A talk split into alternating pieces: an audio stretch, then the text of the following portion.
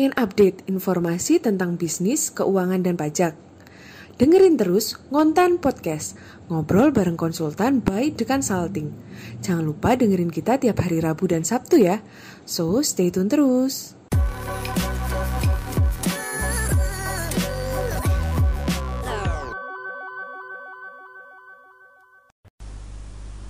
Oke, uh, selamat siang Bapak Ibu, selamat siang uh, rekan-rekan uh, consulting, uh, rekan-rekan entrepreneur, rekan-rekan pengusaha semuanya.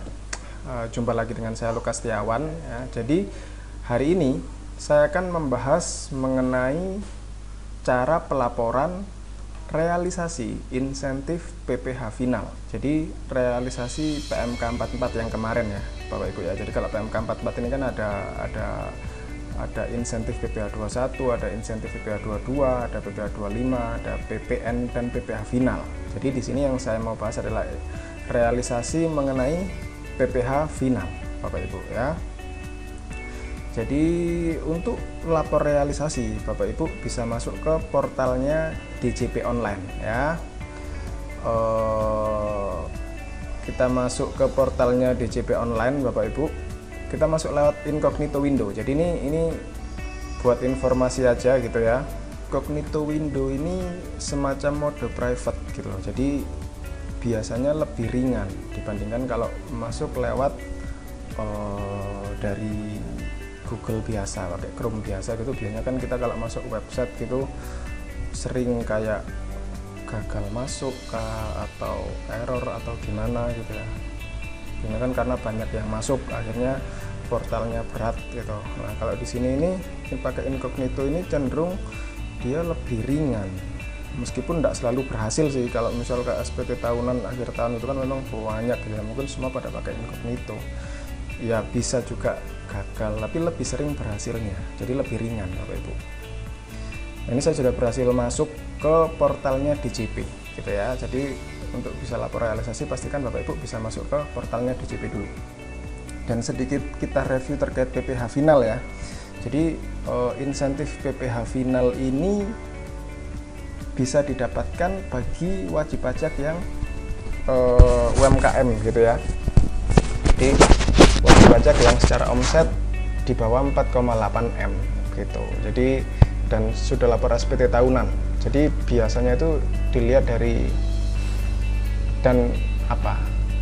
Sudah lapor SPT tahunan dan omsetnya tidak di bawah 4,8 M. Tapi Bapak Ibu, praktek di lapangannya itu ada juga loh yang yang yang tidak bisa memanfaatkan uh, insentif ini. Contohnya gini.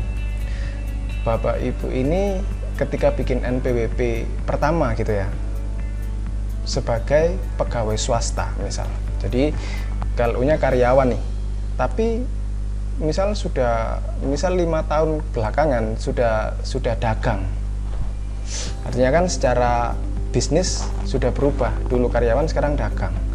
Dan sudah bayar PP 23 setengah persen sudah rutin bayar itu. Tapi tidak bisa terima ini karena tidak bisa dapat insentif PP 23 karena tidak bisa cetak surat keterangan Bapak Ibu. Nah, dan dan karena apa yang sering terjadi kan karena datanya itu tidak diupdate di DJP datanya tidak melakukan pengupdatean. Itu biasanya gagal juga. Nah jadi penting buat Bapak Ibu yang berstatus UMKM gitu ya untuk melakukan update NPWP Bapak Ibu. Sorry update KLU ya. Jadi kalau yang punya problem kayak yang Lukas sampaikan tadi ya usahanya dagang tapi terbentur status KLU-nya masih karyawan. Bapak Ibu coba kontak AR-nya gitu ya. Kontak AR-nya minta dibantu untuk perubahan KLU Bapak Ibu. Biasanya sama airnya akan dibantu gitu ya perubahan KLU sampai uh, data Bapak Ibu diupdate di portalnya DJP nah begitu di portal DJP sudah terupdate Bapak Ibu akan bisa mencetak surat keterangan ya.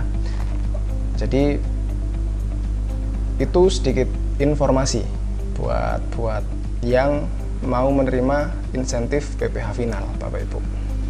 Nah, cara mendaftarkan deh, cara men, cara mengajukan permohonan PPh final seperti apa sih gitu ya. Sebelum kita masuk ke laporan realisasi, saya akan jelaskan cara pengajuannya seperti apa. Jadi begitu Bapak Ibu sudah masuk di portal DJP, Bapak Ibu pilih fitur layanan ya.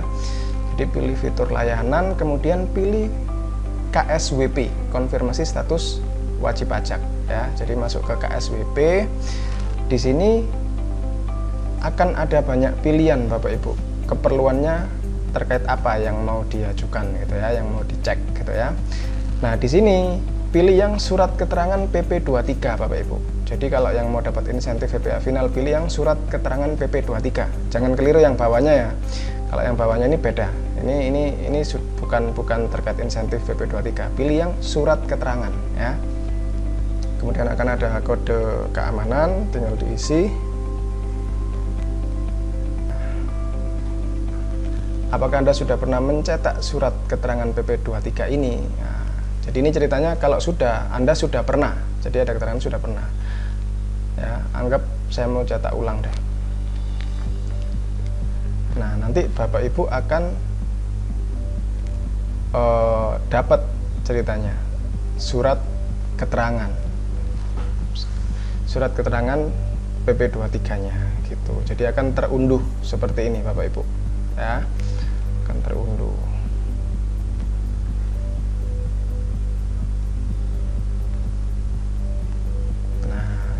ini contohnya contoh surat keterangannya jadi kalau bapak ibu sudah terdaftar sudah apa permohonannya diterima, Bapak Ibu akan dapat surat keterangan memenuhi kriteria sebagai wajib pajak berdasarkan peraturan pemerintah nomor 23. Ya. Ini contoh suratnya ini disimpan Bapak Ibu ya, karena ini akan kepake terus. Jadi for your information, surat keterangan itu pada dasarnya uh, sebagai syarat untuk insentif VPA final. Tapi nanti selepas September, jadi uh, insentif ini kan berlakunya dari April sampai September nih. Tapi nanti setelah September berakhir, surat keterangan itu tetap bisa dipergunakan ya. Jadi itu fungsinya mirip bukan mirip itu fungsinya sama kayak surat keterangan bebas Bapak Ibu jadi in case Bapak Ibu mau dipotong PPH gitu ya Bapak Ibu tinggal tunjukkan surat keterangan itu tadi maka Bapak Ibu tidak akan dipotong gitu jadi itu harus disimpan terus Bapak Ibu ya. Dan Bapak Ibu yang sebelum masa Covid ini sudah punya eh, SK itu itu wajib cetak ulang ya. Jadi kan ada beberapa wajib pajak yang sebelum ada insentif PMK 44 ini sudah punya surat keterangan.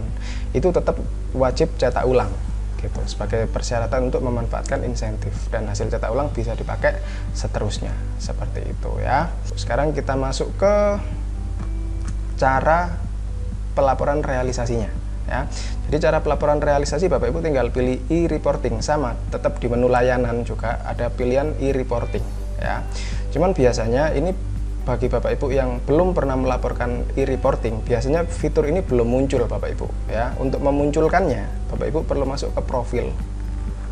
Ya, pilih profil, kemudian pilih aktivasi fitur layanan. Aktivasi fitur layanan ini Bapak Ibu centang terkait e-reporting insentif COVID-19. Ya, dicentang terus pilih ubah fitur layanan.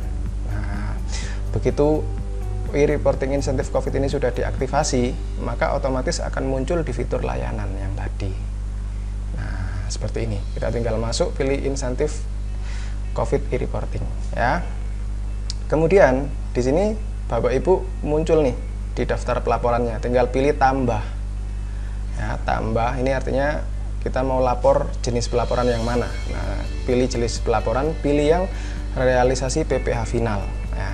Jadi uh, ini munculnya PPH final dan PPH 21 for your information uh, pelaporan yang sudah tersedia sampai dengan video ini dibuat masih atas PPH final dan realisasi PPH 21 ya karena yang bulanan Sedangkan yang untuk PPA 25 dan 22 itu masih belum tersedia karena mungkin masih dalam proses pembuatan Bapak Ibu ya. Karena kan untuk realisasi 25 dan 22 itu pelaporannya tiga bulan per tiga bulan. Jadi kalau masa April, Mei, Juni itu dilaporkannya nanti di bulan Juli Bapak Ibu.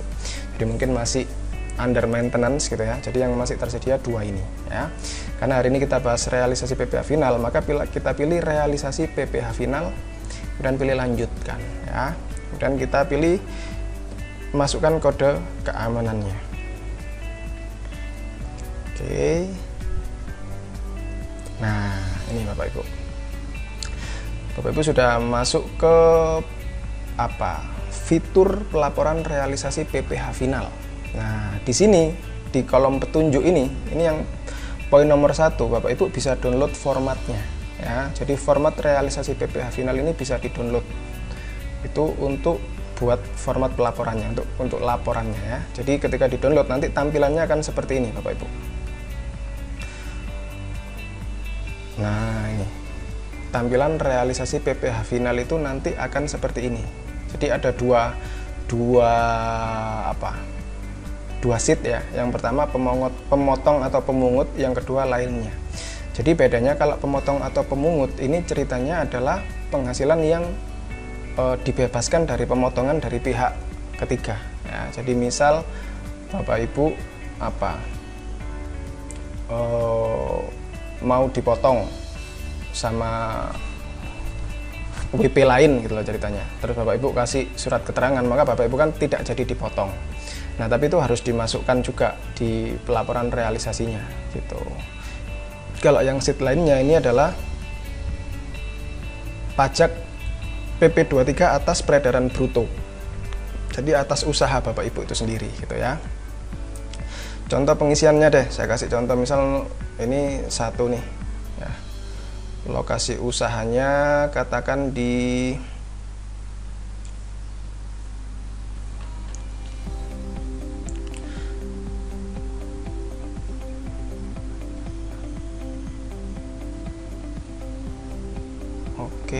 lokasi usahanya katakan di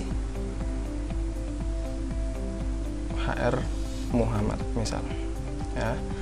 NPWP misal ini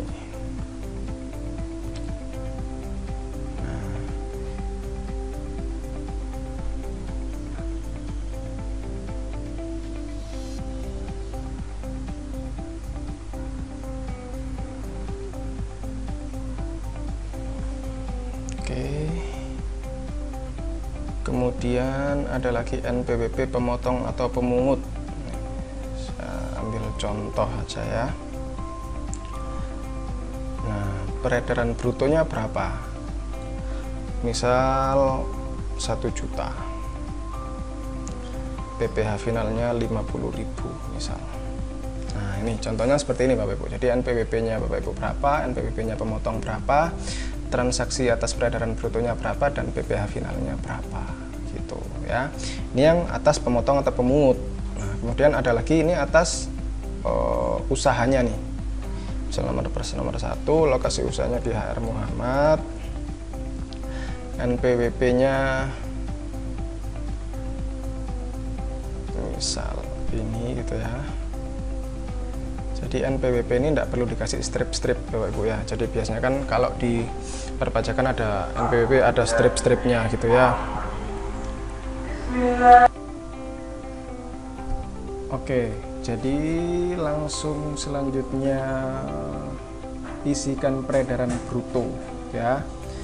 Peredaran bruto atas usaha dagangnya sendiri ya. Jadi misal selama bulan April itu dia dapat omset 2M misal. Nah, PPH finalnya berapa? Jadi kan setengah persennya nih 10 juta berarti PPH finalnya teman-teman ya. Nah jadi ini kan sudah diisi dua-duanya. Ini tinggal di save ya. Di save kita close. Kemudian kita balik lagi ke portal DJP online. Nah selanjutnya kita pilih masa pajak. Nah kita kan mau lapor masa April nih ceritanya. Kita pilih masa April dan file upload pilih file realisasi tapi sebelumnya yang perlu diperhatikan juga adalah penamaan file, teman-teman ya. Jadi penamaan file ini sudah ditentukan, ada standarnya, Bapak Ibu ya. Jadi ada 15 digit NPWP, 2 digit masa pajak awal, 2 digit masa pajak akhir, 4 digit tahun pajak, 2 digit kode pelaporan dan 2 digit kode pembetulan. Ya. Langsung saja saya contohkan. Jadi format penamaannya itu seperti ini.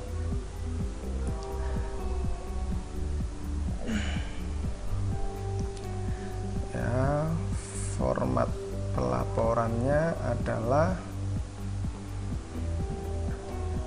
nih realisasi PPh final. Ini tidak boleh seperti ini. Ini harus digit NPWP terus underscore oh, masa pajak awal dan underscore lagi masa pajak akhir. Jadi 0404 selanjutnya adalah 4 digit tahun pajak. Jadi 4 digit tahun pajak berarti underscore 2020 ya. Kemudian 2 digit kode pelaporan realisasi. Jadi kode pelaporan realisasi PPh final DTP ini menggunakan 01 jadi kalau realisasi PPh final itu kodenya 01 Bapak Ibu ya. Jadi ini tinggal kita tambahkan underscore 01 kemudian dua digit terakhir terkait kode pembetulan. Kalau ini SPT pelaporan normal berarti 00 kalau pembetulan satu berarti 01 202 dan seterusnya ya. Jadi karena ini normal ini saya tambahkan underscore 00 seperti ini Bapak Ibu ya. Nah jadi ini nanti setelah penamaannya sudah sesuai kita pilih file upload, pilih file realisasi. Seperti itu. Nah, tinggal kita ambil nih yang yang kode pelaporan BPA finalnya yang 01. Oke, nah begitu sudah seperti ini, ini tinggal kita submit Bapak Ibu. Ya, tinggal kita submit. Ketika disubmit nanti akan ada semacam apa? form pemberitahuan gitulah bahwa sudah berhasil melaporkan realisasi PPH final seperti itu ya. Jadi kalau sudah sampai berhasil berarti pelaporan realisasi PPH finalnya sudah selesai ya. Sukses buat kita semua. Salam sukses. Thank you